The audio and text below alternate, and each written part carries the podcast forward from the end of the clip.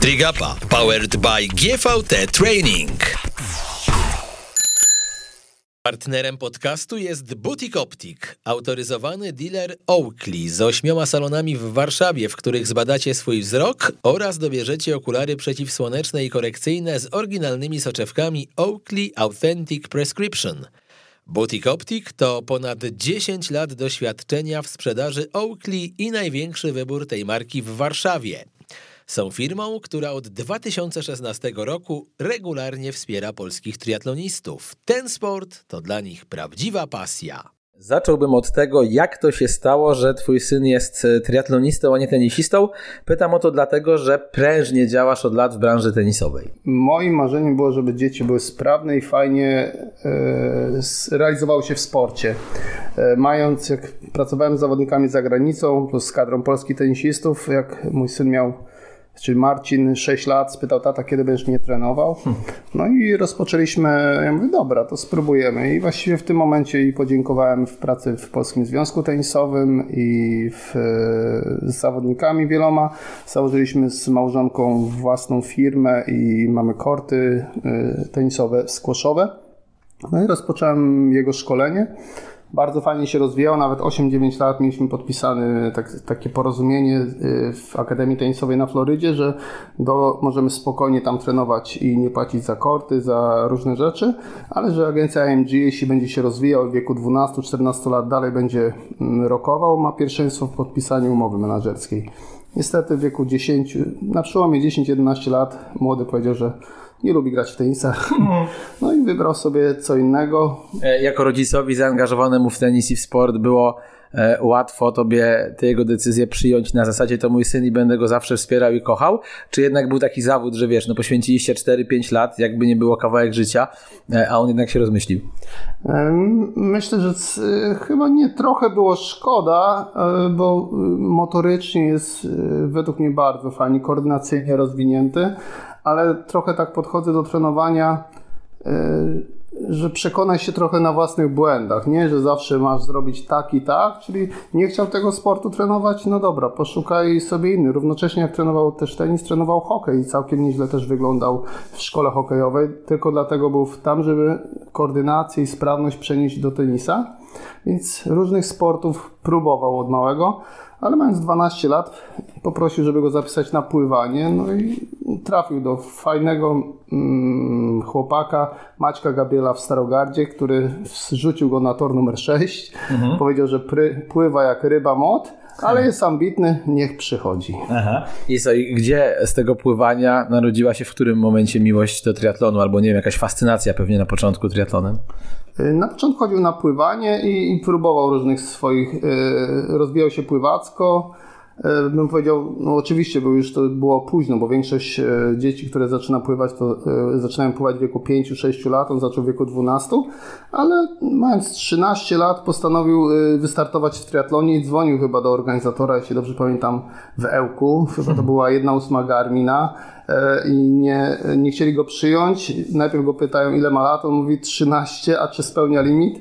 A on mówi, a jaki jest limit? No to organizator podał ile, więc musieliśmy pojechać na basen, przepłynął, na zewnątrz stał rower, pojechał na rowerze, później pobiegł i zadzwonił do organizatora, że spełnia limit i może wystartować. Niestety był za młody i nie został przyjęty. To był, to był pierwszy kontakt, a później to właściwie jeśli też historycznie opowiadać, przeprowadziliśmy się do Gdyni ze Starogardu i mając 14 lat, to zadzwoniłem do Piotrka Nettera. Czyli 2016 to musiał 2016, być, tak? 2016, tak jest. Mhm. Miał 14 lat i, i trochę pływał.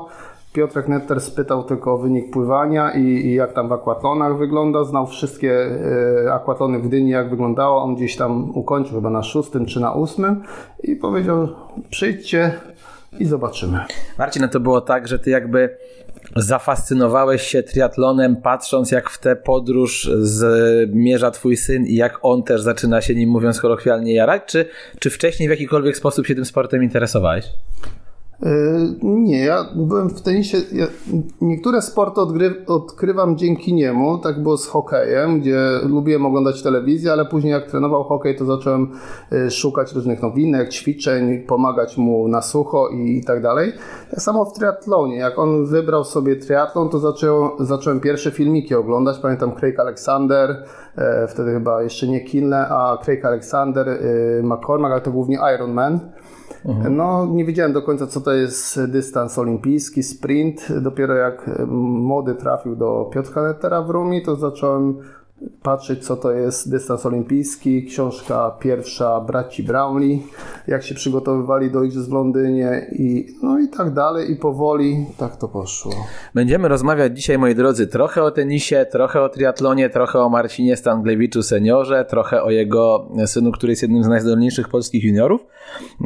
Ja jestem ciekaw, jakie ty widzisz cechy wspólne u tenisistów i triatlonistów, bo pierwsza moja myśl to raczej nie zarobki, ponieważ jak nie jesteś Janem Frodeno i, paroma innymi zawodnikami ze światowej czołówki, no to raczej nie będziesz zarabiać tyle, co powiedzmy tenisistki czy tenisiści z WTA czy z ATP z pierwszej, nie wiem, 20, 30. Znaczy, na pewno Podobny jest, może nie, że podobny jest budżet. Na początku myślałem, że w triatlonie mniejsze pieniądze potrzeba na przygotowanie. A potem poznałeś cenę rowerów. Cenę rowerów, plus jeśli chce się przygotować na wysokim poziomie, no to trzeba też spędzać dużo czasu na obozach i na obozach wysokościowych, żeby budować e, potencjał tlenowy i krwinki i to, to też trochę kosztuje. E, w tenisie głównie, głównym kosztem jest podróżowanie po turniejach i, i, branie udziału w zawodach na właściwie całej kuli ziemskiej, bo żeby budować ranking trzeba być od Australii poprzez e, Europę do Stanów i, i grać na, we na wszystkich kontynentach, żeby się rozwijać i, i zarabiać też. Mhm.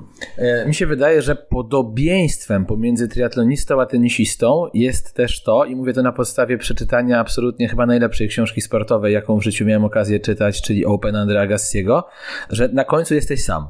To znaczy, możesz mieć trenera, który ci pomaga, możesz mieć sztab, który ci pomaga, ale jak wychodzisz na kort, to tak naprawdę wszystko zależy od Twoich decyzji ta walka, która się rozgrywa na korcie i gdzieś tam w twojej głowie i podobnie jest w trakcie zawodów. Ok, trener może coś krzyknąć, trener może cię zmobilizować, ale na końcu jest to sport indywidualny, w którym jesteś zdany na siebie i wydaje mi się, że to czyni i triatlonistów, i tenisistów mm, w jakiś sposób ludźmi, jeżeli chodzi o sport, wyjątkowymi.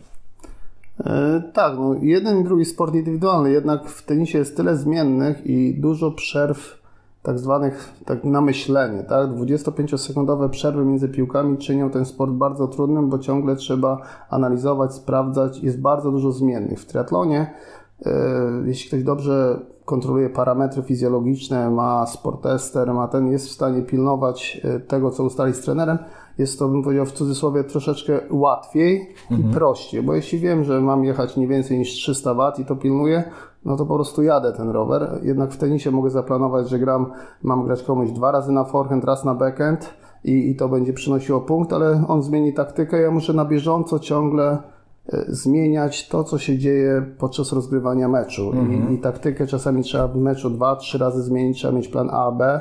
W triatlonie, jeśli przynajmniej na dystansie połówki lub pełnego, często ustalam waty i staram się trzymać watów, tętna, parametrów, które są wytrenowane. Pogodę ewentualnie, tak na zdrowy chłopski rozum mi przychodzi do głowy, może troszkę pomieszać, prawda? Bo nagle zerwie się silny wiatr, który na rowerze e, przeszkadza, czy nie wiem, no złapiesz głupią gumę, spadnie ci łańcuch. To są takie te zmienne, które, które mogą nabroić ewentualnie.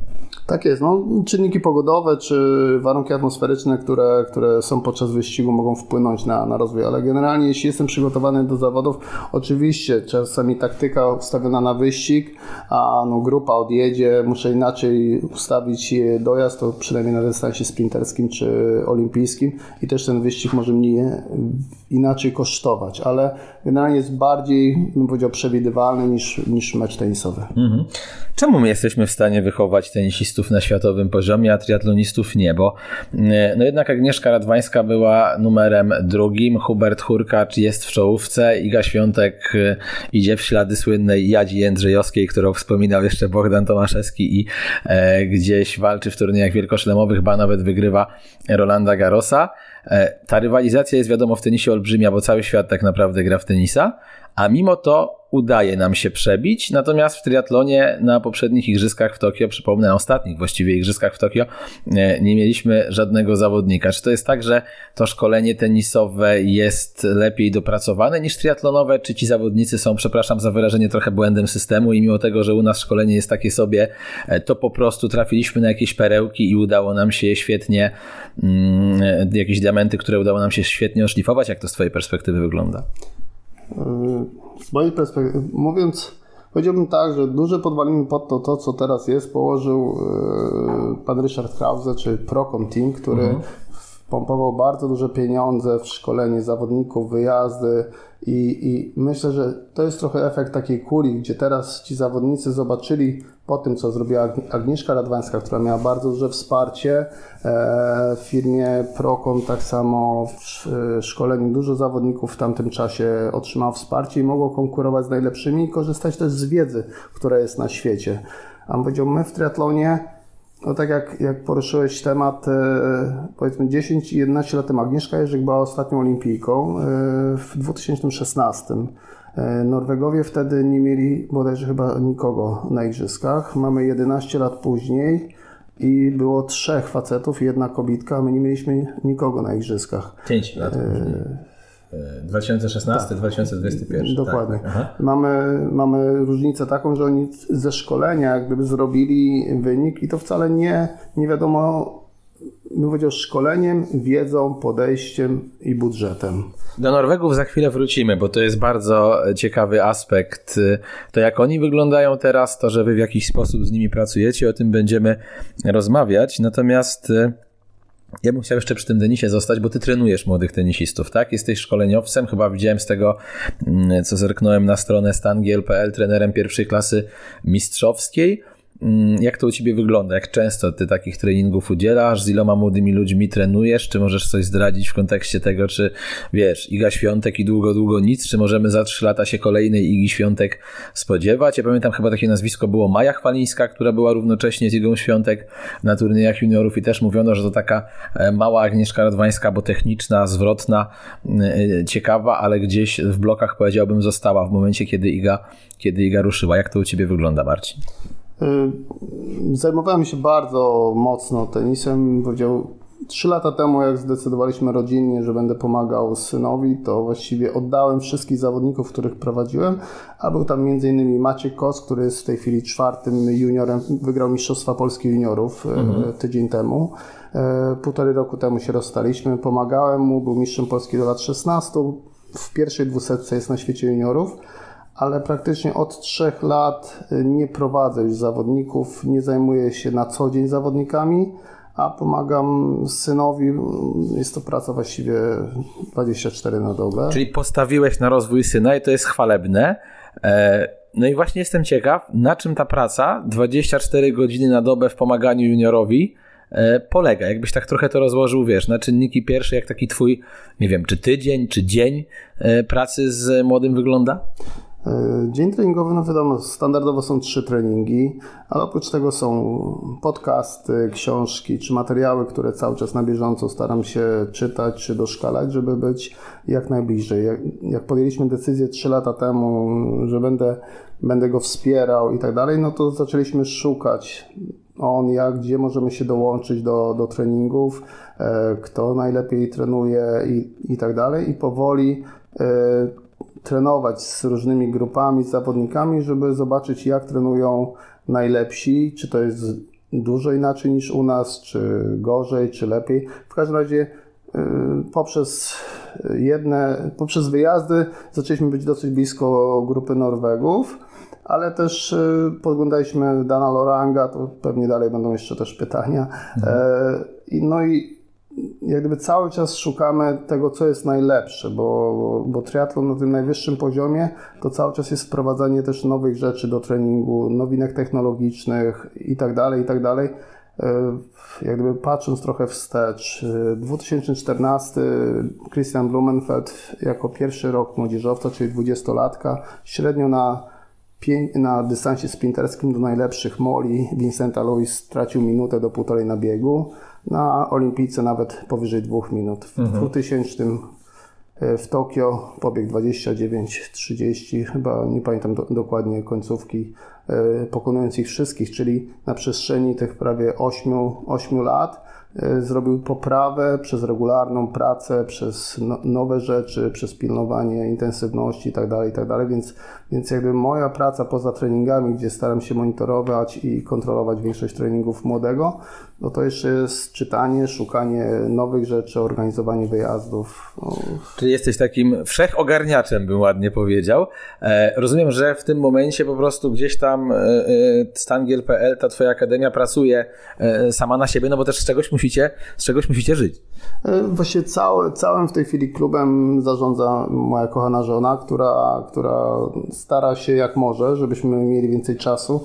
Ja w wolnym, wolnych chwilach wspieram gdzieś tam marketingowo, czy też e, czas wolny, jak jestem na miejscu, poświęcam treningom córki, która też ma 14-15 lat i próbuje realizować się tenisowo, ale właściwie większość czasu jestem triatlonowo, no i, i staram się ten czas tam poświęcać, a żona prowadzi e, lepiej lub gorzej biznes, ale jakoś ogarnia czyli jest klarowny podział obowiązków, szanuję to.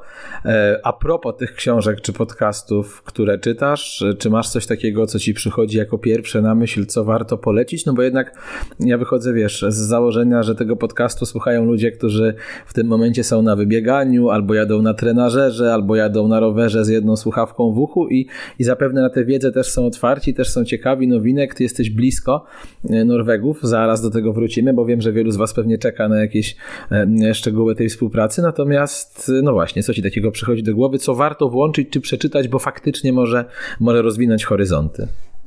Troszeczkę to wszystko idzie od e, inspiracji czy spotkania trenerów, którzy mi pomagają, czy też e, na których się trochę wzoruję. I dwa lata temu, przed samą pandemią, miałem okazję, byliśmy właśnie z juniorem, plus był Christian Blumenfeld i czekali na przyjazd pozostałych Norwegów z Sierra Nevada.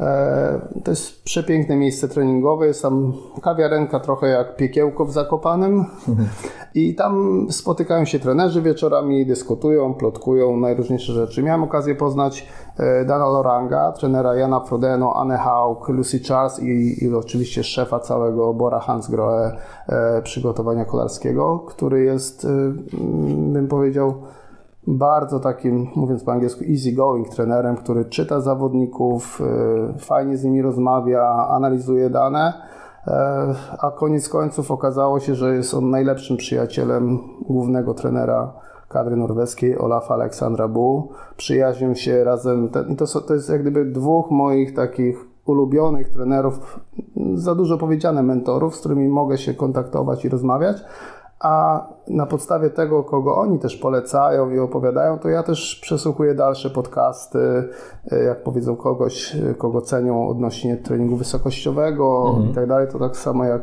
Dan Orang mówi, jest Greg Mille, e, fizjolog i francuski. Olaf Alexander był bardzo mocno na, nad sobą. Mm, zaraz spojrzę jeszcze w notatki fizjologa norweskiego, który ma 70 lat, który był szef, kiedyś pływakiem, a teraz jest szefem i był szefem całej misji olimpijskiej w, w Stanach Zjednoczonych chyba 94, muszę zaraz też spojrzeć mm -hmm. w datę. I to jest, to jest dwóch trenerów, których słucham i i odnoszę się później do podcastów, które oni polecają e, odnośnie fizjologii, wspomagania w sporcie, odżywiania itd., tak itd. Tak Jak ty te relacje budowałeś? To jest tak, że właśnie, nie wiem, w takiej kawiarence zobaczyłeś gościa, którego kojarzysz i cenisz, podszedłeś, przedstawiłeś się, powiedziałeś, że jesteś z Polski, że y, opowiedziałeś swoją historię, opowiedziałeś o swoim synu, oni byli totalnie otwarci, powiedzieli tak, fajnie, chcemy, chcemy pomóc, pisałeś y, maile, pisałeś wiadomości, znalazłeś kogoś na Facebooku, ja pytam o to dlatego, bo kiedyś zrobiłem nawet, nie mogłem, nie pamiętam, e, w Barcelonie w piłce ręcznej znaleźć kontaktu do zawodnika, który mnie interesował. E, nie odpisywała mi Barcelona e, na wiadomości i po prostu napisałem na Messengerze, jako że jest to piłka ręczna, a nie piłka nożna i wiesz, nie jest to Leo Messi, do gościa i on odpisał w sumie chętnie ci udzielę wywiadu, dlaczego by nie? Byłem aż zdziwiony, jak łatwo mi poszło, jednak mimo wszystko był to zawodnik, wiesz, Barcelony, a nie, a nie tam klubu z Pcimia Dolnego. Jak to u ciebie wyglądało, to budowanie, a właściwie zbudowanie tej relacji, tych relacji? Nigdy nie odczuwałem tego, że jest to jakoś tru, trudno. W tenisie było podobnie. Jak, jak zaczynałem pracować jako trener, to, to wyjechałem do Akademii Boliteriego czy Akademii w, we Francji. Grałem tak, tam jako sparring partner, a równocześnie mogłem pracować z zawodnikami w ramach y, tego, że opłacali mi mm, wikt, opierunek i tak dalej. W triatlonie bardziej jestem dlatego, bo mój syn bardzo chce i staram się mu pomóc i on jest motorem napędowym e, całości. Jakby pierwszy kontakt z takim dużym triatlonem był, że on się zaprzyjaźnił z Danielem Dixonem, który, który jest najlepszym Brytyjczykiem, e, najlepszym juniorem. Miał trochę pecha na Mistrzostwach Świata, bo miał kraksę mhm. w Quarterze ale wyjechali 3 lata temu, prawie 4, pierwszy raz sami do Sierry, no i tam spotkali się z Norwegami, zaprzyjaźnili i tak dalej. Moje zawsze jak wchodzę do kawiarni w Sierra, to większość, tam nie ma przypadkowych ludzi, tam są najczęściej trenerzy kadr olimpijskich, trenerzy, no, głównie tak, bo nikt nie jedzie na 2200-2300 na wysokość, po prostu na wycieczkę, tylko to są trenerzy kadry Niemiec, triatlonu, głównie sportów wytrzymałościowych, no i wieczorami tam spędzają, spędzają czas i spokojnie można się dosiąść, porozmawiać, jak trochę ktoś mówi po angielsku, niemiecku, to można się dogadać.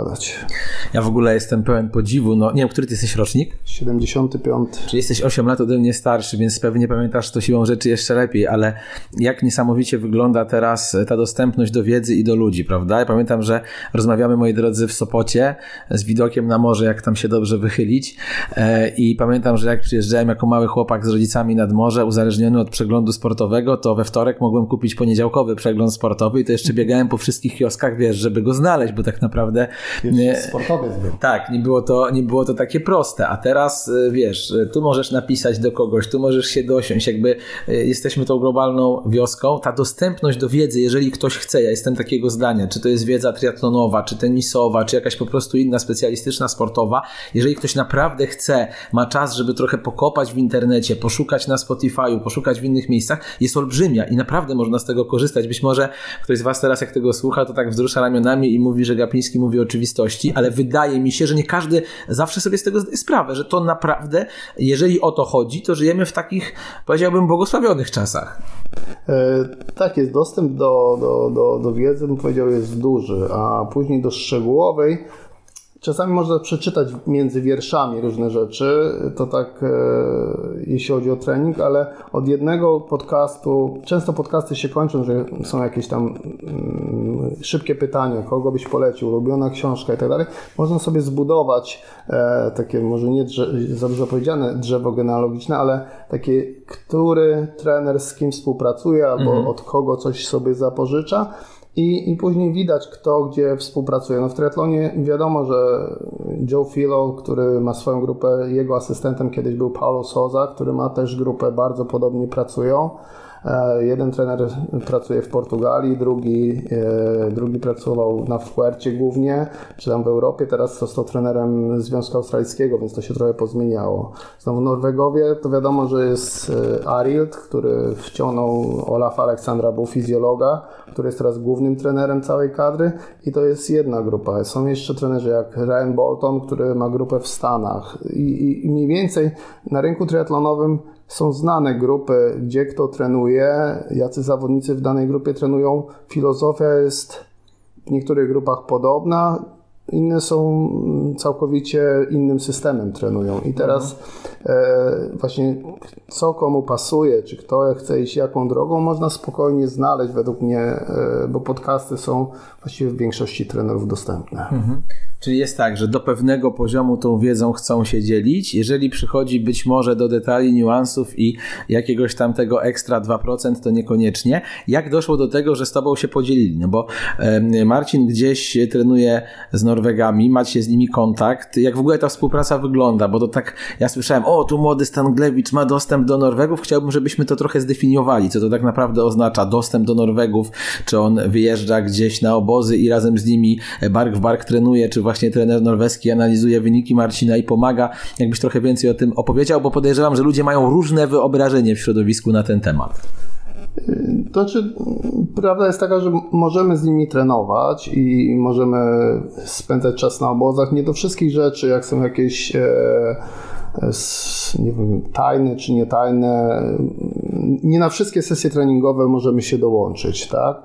Jak trenujemy, dni treningowe są takie, gdzie ja prowadzę treningi, czy nawet prowadzę i, i mierzę kwas mlekowy gdzieś Gustawowi Denowi, czy to są sesje, które są bardziej oczywiste, a są sesje, na które gdzieś nie mamy wejścia, ale to są głównie sesje w BPS-ach, czy sesje Powiem tak, że yy, bracia Ingebrigtsenowie, którzy trenują i wszyscy wiedzą, bo wyszła książka w Norwegii, jak trenują. Nawet był e, o nich chyba jakiś serial taki, który tam był się wielkim powodzeniem cieszy. Serial i tak dalej. Wszyscy wiedzą, jak trenują, są gdzieś publikowane e, po, po konferencjach. E, ich ojciec Giert opowiadał, jak, jak robią sesje i tak dalej.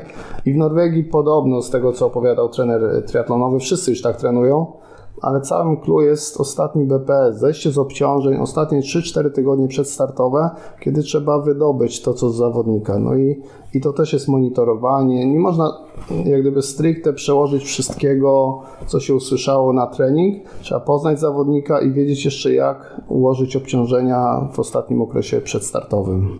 Ten trener, ten ojciec Inger Brigtsenów to jest w ogóle jakiś fenomen, bo ja o nim czytałem, że on chyba nic wspólnego wcześniej ze sportem nie miał, zanim e, nie zaczął ich trenować. On jest informatykiem i, i, wymyślił sobie mm, parę lat temu, e, parę lat temu, że będzie paręnaście, pewnie, paręnaście nie? lat temu, ale no, teraz będąc w styczniu na obozie właśnie z e, juniorem w Sierra Nevada, plus byli triatloniści norwescy i e, była, było trio Ingebrigtsenów, którzy przygotowywali się do pobicia rekordu świata, który się udał w, na meetingu na 1500 metrów halowego. Aha no to trochę śmieszna sytuacja była, bo był też Kahir, czyli jeden najlepszy Hiszpan, który ma rekordy na 800-1500 metrów, właśnie triatloniści, Javier Gomez i tak dalej. No i śmiesznie to wyglądało, bo ja starałem się być na jednym treningu, na drugim sportesterze kontrolować, co robią Ingebrycynowie na stadionie, a patrzę, a w oknach są pozostali zawodnicy, którzy też mierzą czasy, po ile oni biegają. Czyli wszyscy nawzajem się podglądają. E, kto co i jak robi, e, łącznie z tym, że i trener Norwegów e, i tak dalej też sprawdza czasy, bo nawet między sobą nie, nie, nie zdradzają sobie niektórych tajemnic, ale no jest to miejsce, w którym można po prostu zobaczyć, jak najlepsi trenują. Mhm. E, ty dałeś taki wykład w Spale na spotkaniu podsumowującym 2021 rok. E, tytuł teraz podaję. Roczny plan treningowy w triatlonie na podstawie obserwacji i analizy zagranicznych grup treningowych. Możesz jeszcze coś do tego, co już powiedziałeś, dodać, co tam zawarłeś, co uznałeś za, e, za istotne? To była ogólna ramówka. E, cały, cały świat, przynajmniej z moich obserwacji, właściwie od grudnia do, do końca kwietnia buduje maszynę, czyli budują zawodnika, starają się mu, żeby miał jak najmniej przerw, jak najmniej mu przeszkadzać, jak najmniej wyjazdów, podróży, żeby była ciągłość budowania wytrzymałościowej maszyny. Mhm. E, nie śpieszą się wcale z e, dużymi obciążeniami czy z dużymi intensywnościami i teraz reszta to już trochę zależy od, od trenerów, jak manipulują wstawianiem dużych obciążeń czy dużych intensywności. I podobnie jak miałem okazję w zeszłym roku, byliśmy z synem, zresztą za tydzień też wyjeżdżamy do Montegordo, gdzie grupa, gdzie Roxana Supek trenuje, jest tam Paulo Sosa, który ma miał w pewnym momencie 10 dziewczyn, które miały aspiracje olimpijskie, to znaczy miały realne szanse na wyjazd. Chyba 7 dziewczyn pojechało z tej grupy.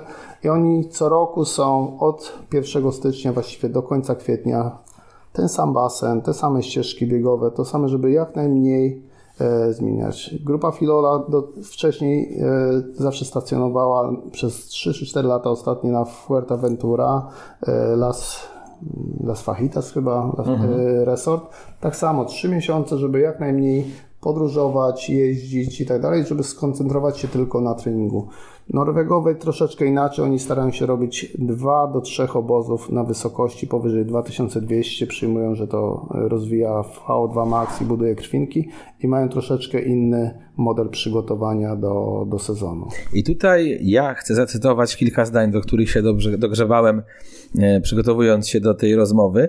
Norweski model treningowy zakłada, że sportowcy kontrolują swoją intensywność poprzez monitorowanie poziomu mleczanu, przy czym dużą część objętości biegowej wykonuje się w spokojnym tempie lub strefie pierwszej.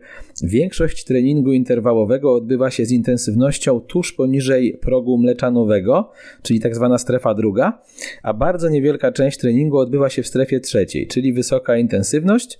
Zdarzają się dni, że sportowiec wykonuje nie jeden, a dwa progowe treningi Zgodnie z norweskimi zasadami treningu rozwijanie systemu aerobowego powinno być Twoim najwyższym priorytetem jako biegacza długodystansowego. Oznacza to, że większość treningów powinna być wykonywana w tempie progu mleczanowego i nie powinna się kończyć na całkowitym wyczerpaniu. Innymi słowy, nie ścigaj się z treningami, rozwijanie szybkości jest nadal ważne, ale powinno stanowić tylko niewielką część programu treningowego. To jest prawda? To faktycznie jak wygląda? Ja tak ładnie powiedziałem, czy to ktoś Nie, to chyba, to chyba zacytowałem, jak gdzieś się dokopałem, nie wiem, czy nie u Bodnarów do jakiegoś e, tekstu o norweskim treningu. Gdzieś, gdzieś już teraz nie pamiętam, bo wiesz, to dwie godziny e, siedziałem przed naszym spotkaniem i szukałem różnych ciekawostek, więc, więc teraz nie wiem dokładnie gdzie, ale coś takiego. E, w Polsce bym powiedział bardzo fajnie, fajnie to wszystko rzeczy potrafi przedstawić Piotrek Netter.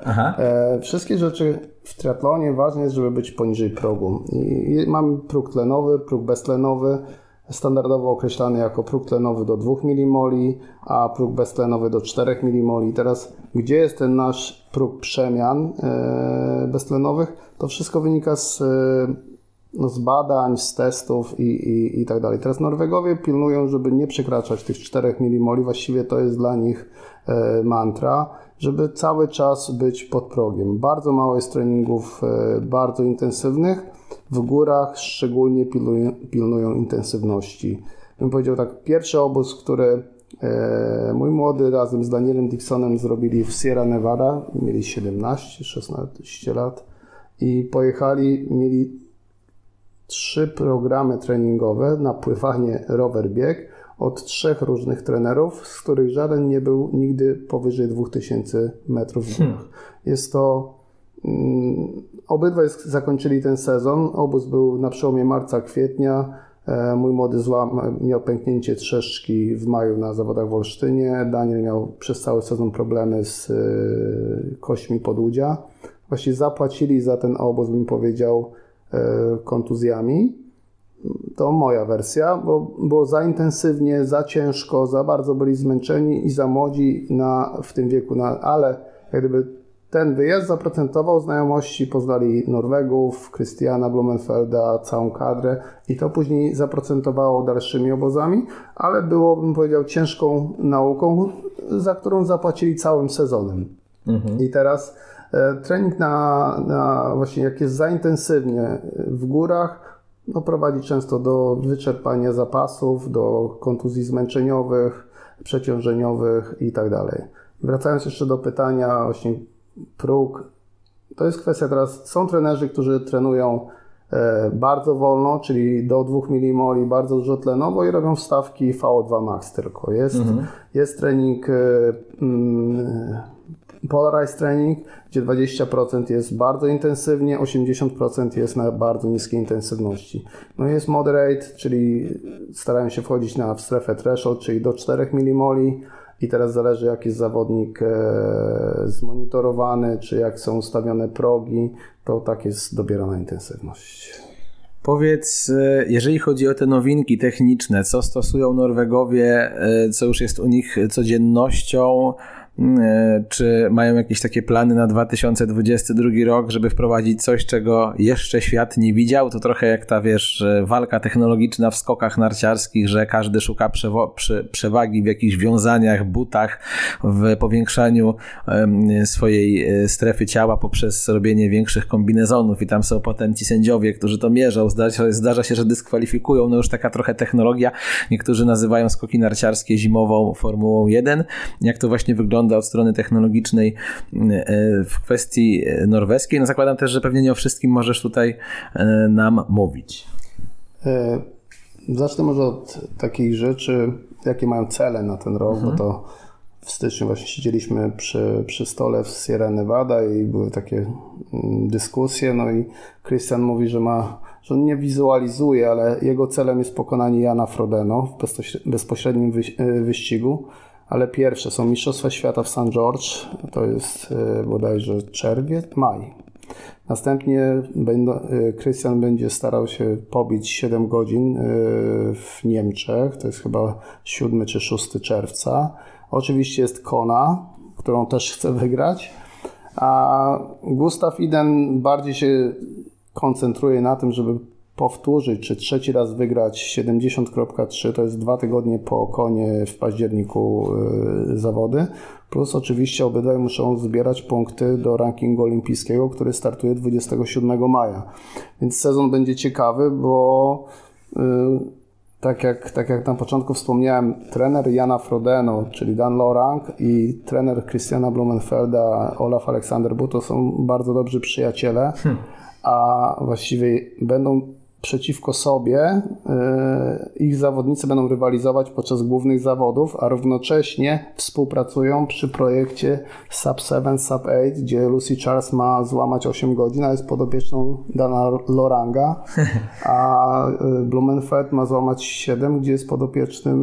No i to jest Aha. duży przepływ informacji. Tak siedzieliśmy przy stole i Olaf Aleksander powiedział, że jedyną rzeczą, o której nie rozmawiali podczas wakacji, to była, był pojedynek Blumenfeld, Frodeno. Mhm. Ale siłą rzeczy muszą rozmawiać dużo i znają siebie pewnie też na wylot, swoje podejście do treningu, także może być ciekawy sezon na dystansie Ironmana. Mhm.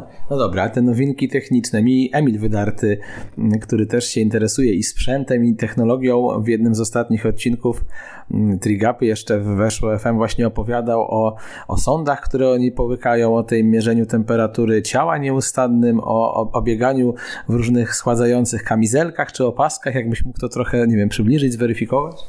E, tak jakby mówiąc od innej strony, e, fizjolog Norwegów jest e, trochę takim maniakiem gadżetów, nowinek technologicznych. Aha. Druga rzecz, szukają cały czas, co jest nowego na rynku i zawodnicy to testują. W tej chwili jest to, co, to, co wspomniałeś, połykane tabletki do mierzenia temperatury, to już to, to nie jest jakaś nowość, bo to samo e, stosowali bracia Brownlee przed igrzyskami w Rio, a może to było jeszcze wcześniej. To, co e, wyszła nowość, że jest taki, taki gadżet, urządzenie CORE przez COR od ciała, które monitoruje temperaturę. I we współpracy właśnie Norwegów razem z e, e, właścicielem firmy Core e, skorelowano parametry wewnętrzne, czyli podawano tabletki. Oni jeździli bardzo dużo, sprawdzali i teraz ten core, nie trzeba brać tabletek, core bardzo dobrze kontroluje temperaturę organizmu. Można go fajnie wykorzystywać w tak zwanym heat preparation przed startami w wysokich temperaturach. E, mm, można zauważyć, jak mając ten e, core, jak zmienia się temperatura ciała podczas biegu, podczas e, roweru, podczas wchodzenia na wyższej intensywności. Jest to gadżet dostępny w tej chwili. Jest bardzo mocno stosowany przez Norwegów, właściwie non-stop. Mhm. Drugim takim gadżetem stosowanym do kontroli bieżącej, monitoringu snu jest WHOOP. To jest opaska na na rękę plus Quark. Mhm. Dwie rzeczy, które monitorują sen, e, regenerację, HRV, HR, e, saturację i właściwie to używają tak samo cały czas. Też trzeba poznać te urządzenia i zobaczyć korelacje, bo bardzo dobrze pokazują w pewnym momencie, kiedy coś się dzieje z organizmem, kiedy, e, kiedy nie wiem, spada wysycenie tlenu, no najróżniejsze rzeczy, ale nie wiem, czy to, to chyba za dużo, żeby opowiadać. Trzecią rzeczą jest styrt, to jest e, jakby wat, e, nakładka na but, trochę podobna kiedyś Polar miał, w tej chwili to też we współpracy z Norwegami zostało jak gdyby wy ulepszone. e, jakby przelicza waty i możemy biegać w różnych warunkach, w różnym ukształtowaniu terenu i możemy porównywać, czyli jak biegniemy na bieżni 250 W i to będzie tempo tam 3,30, a w terenie będę biegł 250 W i to będzie tempo 4 minuty. Powiedzmy, bo jest inne ukształtowanie terenu i bardzo możemy też zobaczyć, jeśli chcemy dane zadanie zrobić w innym ukształtowaniu terenu, tak samo przeliczy nam waty, jak również na zawody mamy nakładkę na bucie, nie, możemy, nie musimy mieć zegarka i też bardzo dokładnie zliczają y, kilometraż z wyścigu. Mm, bardzo szczegółowe, dziękuję Ci za to, bo to jest myślę też ciekawe dla naszych y, słuchaczy. E, tutaj się rodzi pytanie, czy Marcin korzysta z tych gadżetów i czy to też gdzieś tam właśnie mm, już wprowadziliście? E, to tak, na wizji tego nie możemy pokazać, ale to jest. Magia radia, będę tłumaczył zaraz. Magia radia to jest e, wykres. E, jak pytasz o. Teraz kolega Stanglewicz w swoich licznych aplikacjach w telefonie szuka tej właściwej, bo wy tego nie widzicie, ja widzę, więc trochę zagadam. Zostawię ci możliwość, żebyś słuchaj znalazł. Dobrze, proszę, jesteśmy, wchodzimy. Recovery. Na przykład regeneracja łup, który pokazuje regenerację potreningową. Tak? Mhm. Jest rytm zatokowo-przedsionkowy, który jak rośnie, to znaczy, że jest e, coraz lepiej z organizmem. Tętno, wiadomo jak spada, lepiej wytrenował jak jest równo, nie ma wahań, czyli bardzo dobry ten. Respiratory rate, czyli pokazuje ilość oddechów e, na ten. Jeszcze możemy wejść dalej w saturację, w temperaturę mhm. ciała i tak dalej. To mój Garmin też to ma, ale chyba w mniejszym zakresie, bo też tam tak. liczbę oddechów i tak dalej teoretycznie mogę sobie zmniejszyć. Stert, czyli pokazuje właśnie waty, przeliczenia podczas biegu. No to są rzeczy, które na bieżąco można, czyli później wchodząc do Training Pixa, tak samo te wszystkie rzeczy się e, a ten styrt na przykład jest, e, e, powiedziałbym, dostępny dla, dla zwykłego age groupera, który tak. by chciał też z tym pracować? Wszystkie te rzeczy są dostępne, niektóre nie są dostępne w Polsce, więc trzeba, e, jeśli ktoś chce korzystać, zamawiać przez aplikacje czy z zagranicy i, i czekać na, na dostawę takich rzeczy, ale wszystkie te rzeczy są też, jak dla age grouperów, przekazywane do na przykład do Training Pixa i też wszystkie rzeczy są pokazywane jak tętno, ile razy się w nocy obudził. No to są rzeczy, które mhm. są ważne dla treningu, bo widać, że jeśli jest ciężki trening i następnie w nocy zawodnik często się budzi, podwyższa mu się respiratory rate i, i tętno skacze, to znaczy, że ten trening mógł być albo za mocny, albo ma bardzo duży efekt. Teraz jeśli kontrolujemy te rzeczy, możemy bardzo dokładnie zobaczyć, jaki był efekt tego treningu, jaki miał wpływ i tak dalej, i tak dalej. Mhm. E, koszt tego wszystkiego jest jak nie duży? Nie umiem tu teraz nie powiedzieć, e, mhm. jak, musiałbym teraz spojrzeć na, opaskę, na, e, opaski, bo to jest akurat łup, ale jest Quark jeszcze, który używają Norwegowie Gustafiden, to są tak, łup jest opaską na rękę, a Quark jest takim pierścieniem, trochę wygląda jak pierścionek, obrączka. Mhm. I on też monitoruje. Zawodnicy różnie dobierają, zależy kto woli, czy ktoś woli mieć opaskę, czy woli mieć e, pierścień, bo ważne jest, żeby te rzeczy były cały czas e, na ciele, żeby monitorowały non-stop zachowanie organizmu i tak dalej, i tak. Tabletki, o której wspominałeś też, właśnie core, który jest w tej chwili, zawodnicy norwescy mieli nawet w różnych miejscach ciała takie te rzeczy przyczepione, żeby żeby monitorować, y, jak temperatura się rozkłada w różnych częściach Aha. organizmu i poprzez właśnie fizjologa norweskiego we współpracy, zresztą filmik chyba nawet na YouTubie taki jest pokazany, skorelowali, że nie trzeba w tej chwili ich tabletek brać, bo bardzo dobrze sama ta nakładka, kor na pasek wystarcza. Czyli tu już w ogóle nie ma miejsca chyba na przypadek i na jakąś spontaniczność. Wszystko jest doskonale zaplanowane. E, ja jestem ciekaw, co byś na przykład odpowiedział komuś, kto powiedzmy e, biega od dawna, czy trenuje triatlon od dawna, ma 50 lat, jest nowinko sceptykiem i powie, panie, a po cholerę tyle kombinować, nie wystarczy po prostu się wysypiać, trenować i będzie dobrze, bo być może tacy słuchacze e, też są, więc tak trochę cię pod włos wezmę, jak na przykład ktoś uważa, że to już jest przekombinowywanie, to co byś odpowiedział? Odpowiedziałbym tak, że to, co powiedziałem też, e, jeśli słuchałeś wywiadu na konferencji trenerów, ja poprzez młodego poszliśmy do sportu wyczynowego mhm. i mamy takie szczęście, że jesteśmy przy tych trenerach i zawodnikach, którzy w triatlonie w tej chwili, według mnie przez najbliższe parę lat rozdają karty. I teraz nie do końca wiele rzeczy musi pójść do age grouperów, czy do 50-letnich, 60-letnich.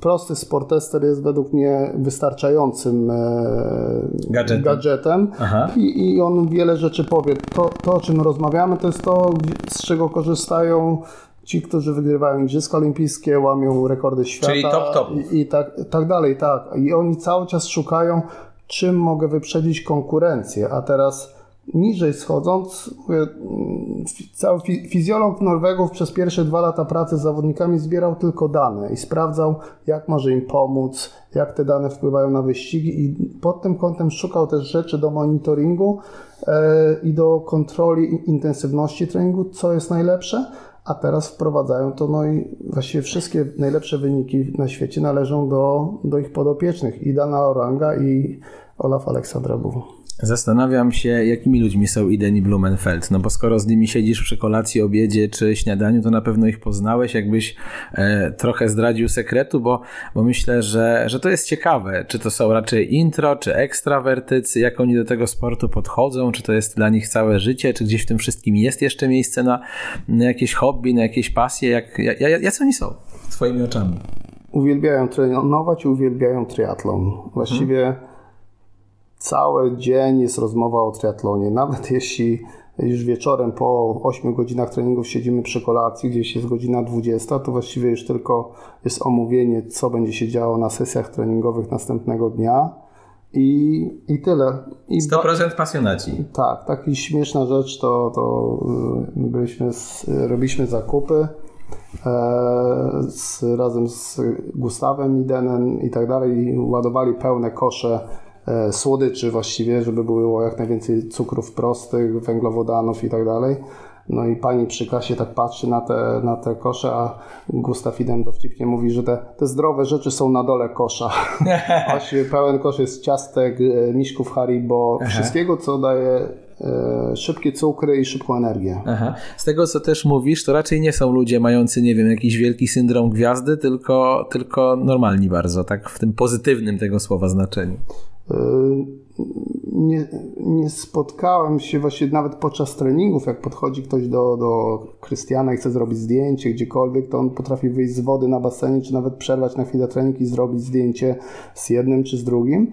I nie było takiej. Może teraz po igrzyskach trochę mniej jest taki otwarty, jeśli mowę o rozmowy o treningu. Pamiętam jak trzy lata temu pierwszy raz się poznaliśmy, to właściwie potrafił się zatrzymywać na treningu i korygować nasze pomiary, mówić, że to lepiej zrobić, to lepiej zrobić. Teraz może też z tego względu, że już widzi, że wiemy więcej i, i, i inaczej to, to wygląda, to, to jest mniej rozmowy stricte takiej specjalistycznej o treningu, ale ale tak, to chłopacy cały czas żartują, ale właściwie 100%, jakbym powiedział 110 o, o treningu. 21, wszyscy w pokojach, nie ma żadnego wychodzenia na, na miasto, już nie mówię o, o, o imprezach czy innych rzeczach i właściwie rano piersi na śniadaniu i, i zaczyna się robota. Mhm. No brzmi to naprawdę imponująco. E, jak na tle tego wszystkiego wygląda Marcin? Bo tu jest myślę ten moment, w którym warto porozmawiać o polskim triatlonie, o tym, że widzimy, że to idzie do przodu, widzimy w ostatnich miesiącach fajne działania e, Filipa Szołowskiego jako dyrektora sportowego, to, że mamy bazę w Hiszpanii, to, że e, ten rok 2021 myślę był naprawdę całkiem niezły, dał jakiś promyk nadziei do tego, że że, będzie lepiej, mm, to zanim bym Cię poprosił o takie właśnie zrecenzowanie tego, jaki jest ogólnie obraz na dziś Twoim zdaniem polskiego triatlonu olimpijskiego, to, to jak to wygląda w przypadku Marcina? Jakie on postępy przez tych kilka lat poczynił? Co Ty uważasz za realne w tym momencie jeżeli o niego chodzi, mówię tutaj oczywiście w kontekście walki o igrzyska, bo to jest jednak młody chłopak, rocznik 2020, 2002, y, czyli 20-latek, to chciałem powiedzieć. Czy te igrzyska w Paryżu to jest raczej marzenie, czy według Twoich wyliczeń, tych treningów, które robi Marcin, to już niekoniecznie marzenie, tylko całkiem realny cel? Powiem tak, e, młody mam, pewnie jak będzie słuchał podcastu, to będzie na mnie zły. Bym powiedział, to nie jest jakiś super, super talent, ma talent do pracy, talent do pracy, poświęcenia, czyli to, co, to, co w triatlonie czy w sportach wytrzymałościowych jest, jest ważne. Nawet chyba ważniejsze niż ten super talent tak naprawdę, na prawda? Na ile starczy mu zdrowia, gdzie będzie jego granica, gdzie będzie jego limit, to nie wiem.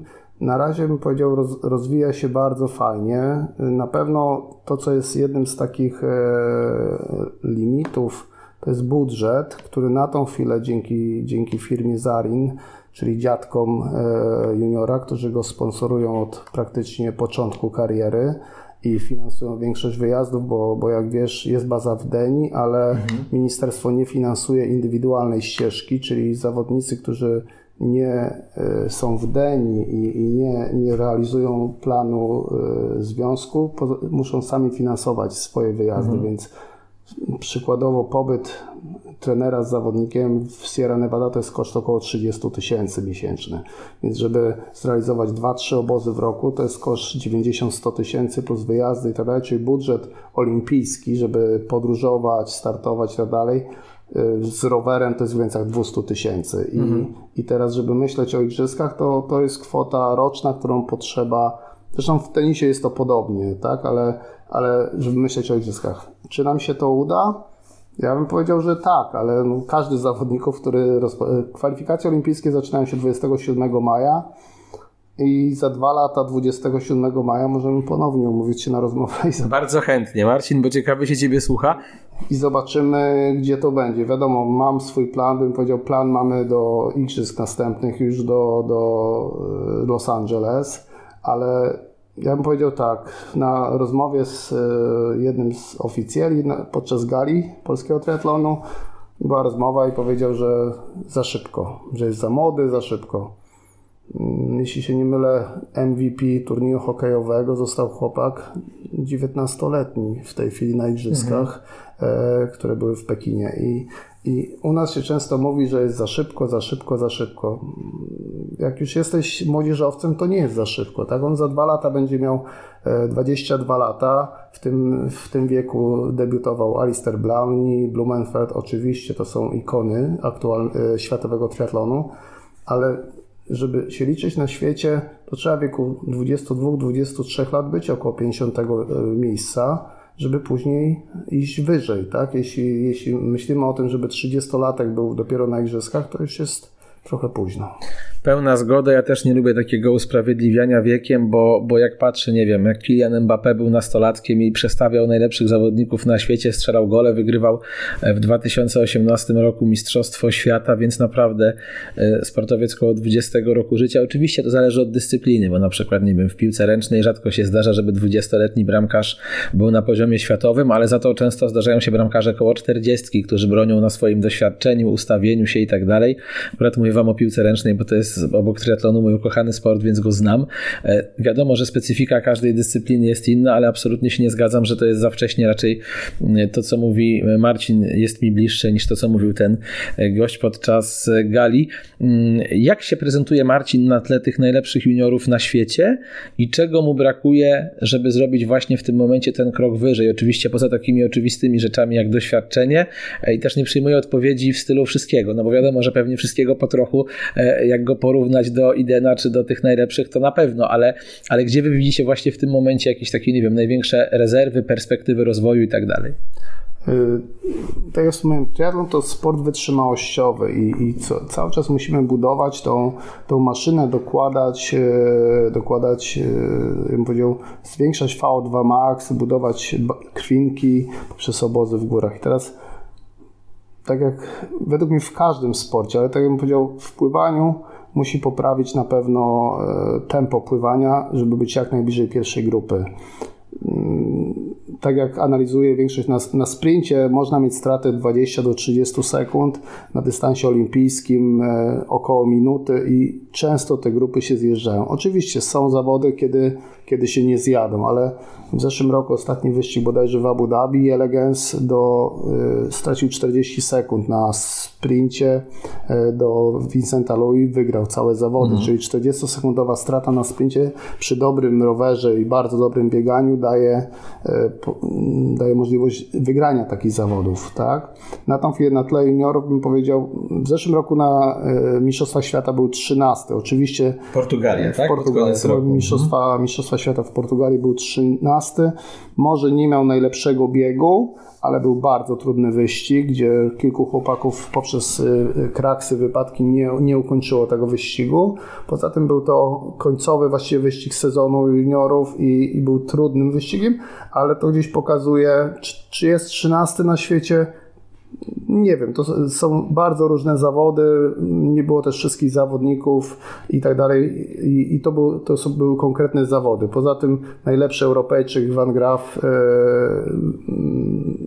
miał jak gdyby poprzez bardzo mocny rower nie ukończył biegu. Daniel Dixon miał kraksę, najlepszy Amerykanin też miał kraksę, mhm. no, ale to są zawody. To jest tak jak kiedyś w, spytano Mofaracha, czemu nie ma rekordów świata, a Mofara mówi, mam trzy medale olimpijskie, nie muszę mieć rekordów świata, mhm. tak? Jestem I czasami są zawody, to jest najważniejsze. Tak samo myślę, że Christian Blumenfeld tak samo walczy o to, żeby wygrać igrzyska, ani żeby mieć najlepszy czas, tak? I, i wszystko jest dostosowane do tego, żeby wygrać zawody, czy mieć jak najlepszy wynik w danych zawodach, a niekoniecznie mieć najlepszy czas.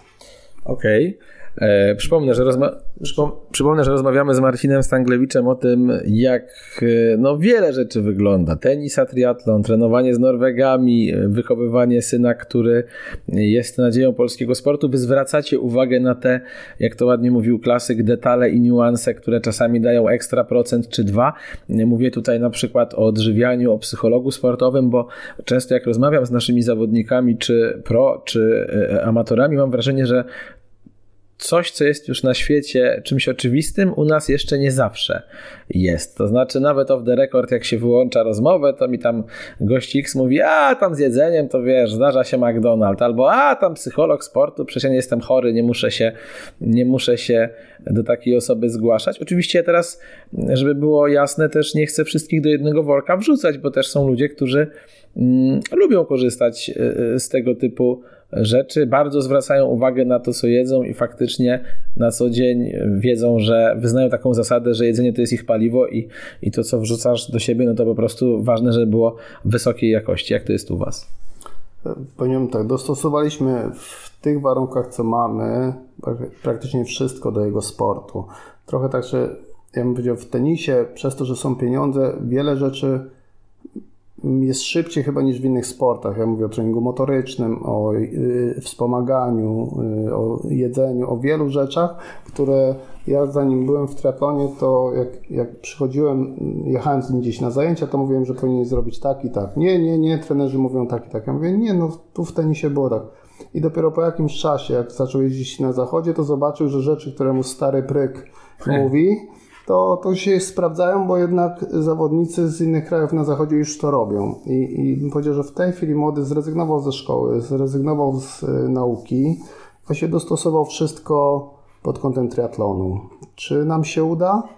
No, robimy wszystko, żeby, żeby się udało. Tak? A jak zdejmujesz z niego tę presję? Bo ja sobie muszę wyobrażać, że wiesz, dla młodego człowieka takie zrobienie all in i postawienie wszystkiego na jedną kartę, oczywiście z jednej strony jest to właśnie imponujące, no bo, bo naprawdę daje z siebie maksa, żeby być sportowcem na najwyższym poziomie, ale z drugiej gdzieś być może w tyle głowy czai się pewnego rodzaju stres, a co będzie jak nie wyjdzie? Kiedyś było takie, któryś z trenerów powiedział, że presja jest przywilejem. Mhm. I teraz jeśli dochodzisz do takiego poziomu, że jest ta presja, no to, no to na to zapracowałeś I, i, i, i, ona musi być. Jeśli nie umiesz sobie radzić z presją, no to nie możesz być w sporcie zawodowym. Mhm. Młody kiedyś, jak, jak, w tenisie był na początku, bo e, on zawsze walczył o zwycięstwo. Zresztą się śmialiśmy, taki jest chyba Vince Lombardi kiedyś powiedział, zwycięstwo to nie wszystko, to jedyne co się liczy. E, to, to często to gdzieś tam w domu sobie żartujemy i powtarzamy i korzystał z usług psychologa, ale właściwie bym powiedział na samym początku jak w tenisa grał. W tej chwili, jak zobaczyłem, jak sobie radzi na zawodach, jak, jak nie wiem, krzyczy w, na zmianach w grupie i tak dalej, jak się przyjaźni też z zawodnikami z grupy, czyli z Danielem Dixonem, Sebastianem Wernsem, czy dobrymi zawodnikami e, triatlonowymi, to właściwie opiekę psychologa troszeczkę zostawiliśmy i, i, nie korzystamy. Czy to będzie potrzebne gdzieś, czy nie, to się okaże, mhm. ale bardzo dobrze sobie radzi, bym powiedział, w turze z zawodnikami, w grupie i nie ma z tym problemów. To jeszcze powiedz, kto jest jego głównym trenerem, bo w sumie nie padło nazwisko e, w kontekście bycia jego trenerem. Powiedział, że od dwóch lat to chyba ja. Czyli głównie ty się tym zajmujesz. To znaczy całością. Ale, ale nie mogę powiedzieć, że tak Dużo jest tak, że współpracujemy, bo on jest 110% w triatlonie. Nawet jak ja gdzieś jestem ten, to on czasami znajdzie, tata widziałeś to, a może byśmy tak spróbowali. Ja mówię, dobra, zobaczymy, zróbmy taki mikrocek i zobaczymy jak to wyjdzie. Czy mikrocek to może za dużo powiedziane, zróbmy miesiąc i zobaczymy jak twoje parametry wyglądają. Albo dołóżmy coś do treningu. Czasami gdzieś przesadzimy, tak jak e, w zeszłym roku przygotowanie przed Mistrzostwami Europy. Jeszcze chcieliśmy przedobrzyć, bo fajnie wyglądał i, i w Zakopane Zakopanym podbiliśmy namiot hipoksyjny na 3000 metrów i właściwie człapał na biegu. Hmm. Do, miał być w pierwszej 15, a dojeżdżał na rowerze w pierwszej grupie, wychodził na bieg, nie był w stanie pobiec szybciej niż 3,35 km, gdzie normalnie biega po 3,10, 3,05, ale no, za późno wyszedł z namiotu, gdzie 10, 7 dni później już bieg e, właściwie prawie na równi z, z mistrzem świata, który wygrał e, Kuerteire, Belido Michajlow i stracił na piątce do niego niecałe 40 sekund, także to był bardzo dobry, ale gdzieś też eksperymentujemy i szukamy, bo to jest taki czas, że zawodnik musi się nauczyć trener i szukamy, gdzie, gdzie mamy limity. Fajnie nam wyszło przed Mistrzostwami Polski w Rawie Mazowieckiej, gdzie spędził też 4 tygodnie w namiocie hipoksyjnym. E, wszystkie rzeczy fajnie zagrały i minimalnie przegrał z Michałem Oliwą na, na ostatnich metrach.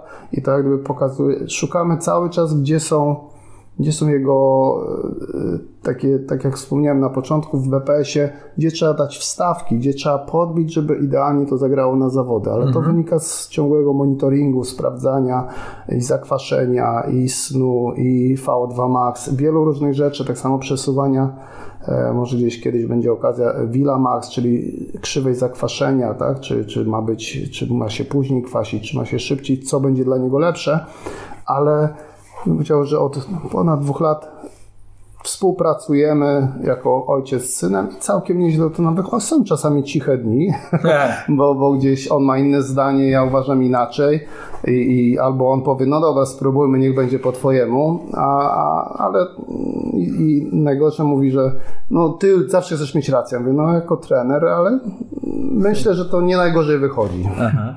Czyli kolejny duet ojciec-syn, który współpracuje, bo przecież są też choćby Głuszkowscy, gdzie też jest e, młody, zdolny chłopak mający duże ambicje.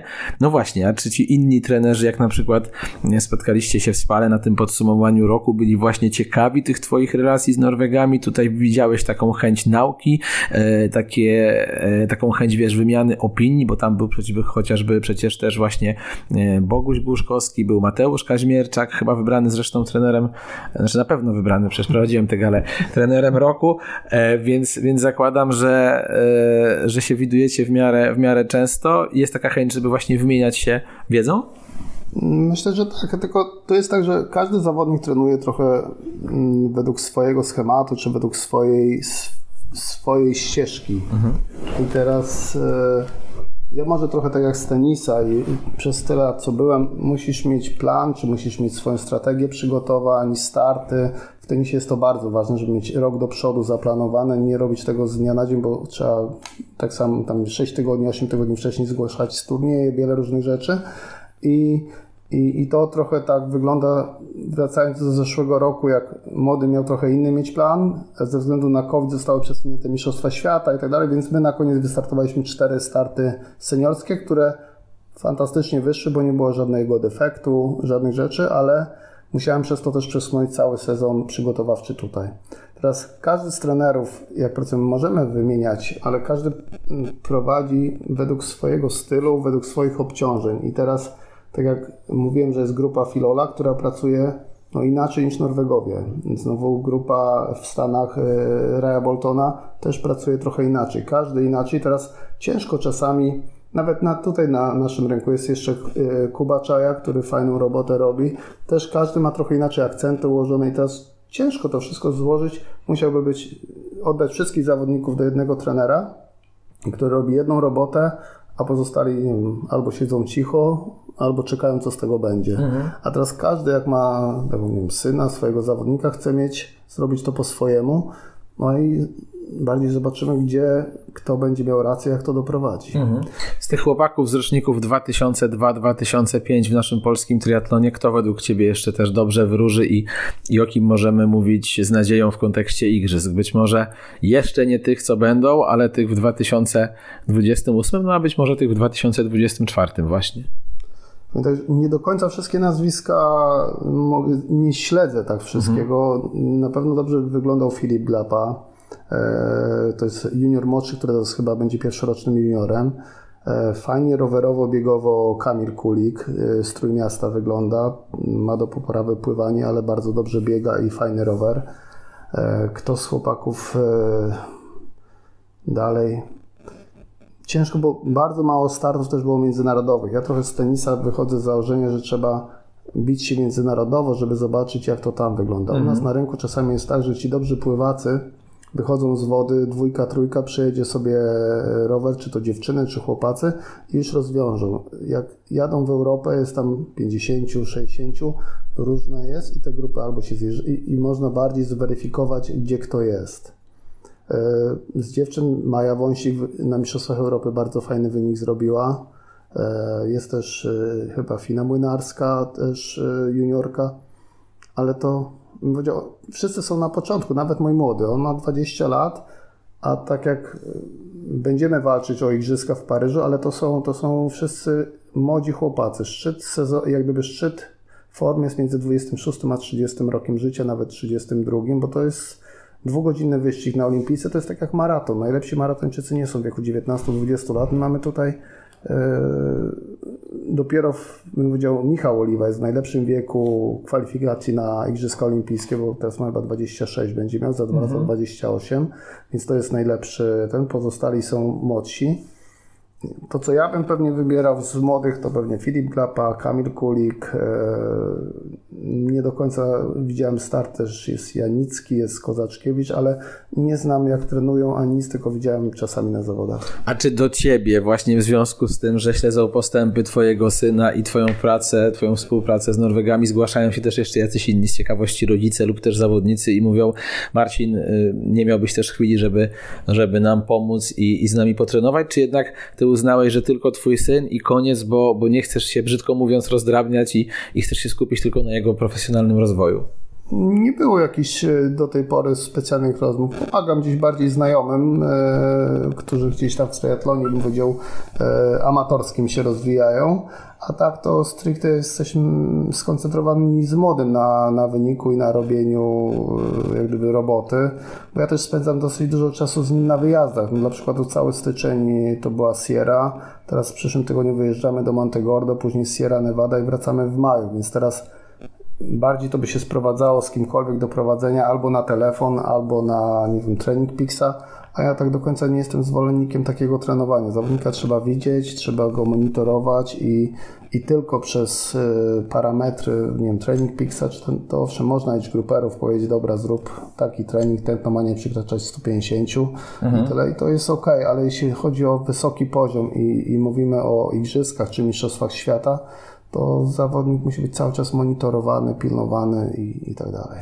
Ja w ogóle mam wrażenie, moi drodzy, rozmawiając z Marcinem, że to jest taki człowiek, który lubi mm, spokój i lubi działać gdzieś, być może nie w świetle reflektorów, a powiem Ci skąd to wrażenie, bo jak szukałem e, informacji o Tobie w internecie, to dawno nie miałem gościa, przy którym musiałem się tak namęczyć, żeby znaleźć jakieś jego zdjęcie, jak on w ogóle wygląda. Ciebie dużo w internecie nie ma. Nigdy nie, nie robiliśmy. Właściwie to o, w przyszłym tygodniu o, o, ruszamy z synem, którego namówiłem, bo on też nie jest jakoś marketingowo Aha. i ten. E, będzie się na Tristangiel 24 i będę tam relacjonował i na Instagramie, i na kanale YouTube e, przygotowania młodego do igrzysk. To powiem Ci coś więcej, bo my tę rozmowę wypuścimy, nagrywamy ją, moi drodzy, 5 marca, a wypuścimy ją mniej więcej koło 16-17 za jakieś 10 dni, więc pewnie już wtedy to będzie działać, także zapraszamy, możecie śledzić, możesz raz jeszcze przypomnieć adres. E, Tristangiel 24, e, Tristangiel, czyli nasz skrót nazwiska, triatlonowo a 24, czyli data Igrzysk Olimpijskich w Paryżu. I będziemy relacjonować i obozy, pokazywać jakie nowinki wprowadzamy, parę rzeczy fajnych już w kwietniu podczas obozu będzie, będzie pokazanych i zapraszam do śledzenia. Ja też, no bo chyba słyszycie, że Marcin ma dużo fajnych triatlonowych przemyśleń, pomysłów, wniosków, e, gdzieś tam współprac. E, czy ty jeszcze do tego kora chcesz wrócić? Bo widziałem, że coś tutaj sobie e, otworzyłeś na, na komputerze Core Body Temp Temperature Monitoring. Coś. To są właśnie rzeczy, które są wykorzystywane ciężko byśmy musieli pewnie następny podcast albo wiele różnych innych rzeczy, żeby opowiedzieć szczegółowo o rzeczach, które, które są używane. To jest właśnie na podstawie tabletek, o których wspomniałem, sprecyzowane i dopasowane. To jest e, czujnik, który się zakłada na pasek, który jest standardowo do Polara czy do Garmina na ten i on monitoruje temperaturę ciała, która bardzo fajnie jest skorelowana z zakwaszeniem i w pewnym momencie widać, były takie treningi, gdzie jechaliśmy, jechałem samochodem za synem, było widać na czujniku w e, komputerze, jaka jest temperatura ciała, jaka jest tętno, jakie są waty i mogliśmy właściwie w ciemno powiedzieć, jakie będzie zakwaszenie tak, e, mięśni, ale to jest to jest, są już takie rzeczy, które nie do końca można polecić może wszystkim age grouperom czy amatorom, bo to jest na, na poziomie zawodowym. Mhm. Taki ten. Ale czujnik też się przydaje przy przygotowaniach do te, e, zawodów w wysokich temperaturach, no i tak dalej, i tak dalej. Dużo inspirujących informacji. Marcin Stanglewicz był dzisiaj moim gościem w wyjazdowym programie Trigapa, czyli w programie w Sopocie. Musicie być też wyrozumiali, jeżeli tam momentami, nie wiem, nie jest super ekstra jakość dźwięku radiowa, no to wybaczcie, ale, ale tutaj musiał przyjść Mahomet do góry, a nie góra do Mahometa. Ja akurat e, do Trójmiasta się wybrałem trochę zawodowo, trochę służbowo i przy okazji do Marcina zadzwoniłem, czy by się nie spotkał i nie pogadał. Myślę, że wyszło to bardzo fajnie. Przypominam wam, że e, podcast Trigapa możecie wspierać na patronite.pl łamane przez Trigapa. Piątka, dyszka, a jak ktoś chce zabawić się w bycie moim co-hostem, tak jak zrobił to Wojtek Smajda w pierwszym odcinku na Spotify'u, to dwie stówki i jesteś współprowadzącym. Możesz wtedy rozmawiać z gościem. Marcin, dziękuję Ci bardzo. Dużo inspirujących, dużo fajnych informacji. Trzymamy kciuki, e, kciuki za tę drogę Twojego syna, Marcina Stanglewicza juniora. Będziemy obserwować jego e, rozwój, no i tę walkę w najbliższych miesiącach. Dziękuję bardzo. Trigapa powered by GVT Training. Partnerem podcastu jest Butik Optik, autoryzowany dealer Oakley z ośmioma salonami w Warszawie, w których zbadacie swój wzrok oraz dobierzecie okulary przeciwsłoneczne i korekcyjne z oryginalnymi soczewkami Oakley Authentic Prescription – Butik Optik to ponad 10 lat doświadczenia w sprzedaży Oakley i największy wybór tej marki w Warszawie. Są firmą, która od 2016 roku regularnie wspiera polskich triatlonistów. Ten sport to dla nich prawdziwa pasja.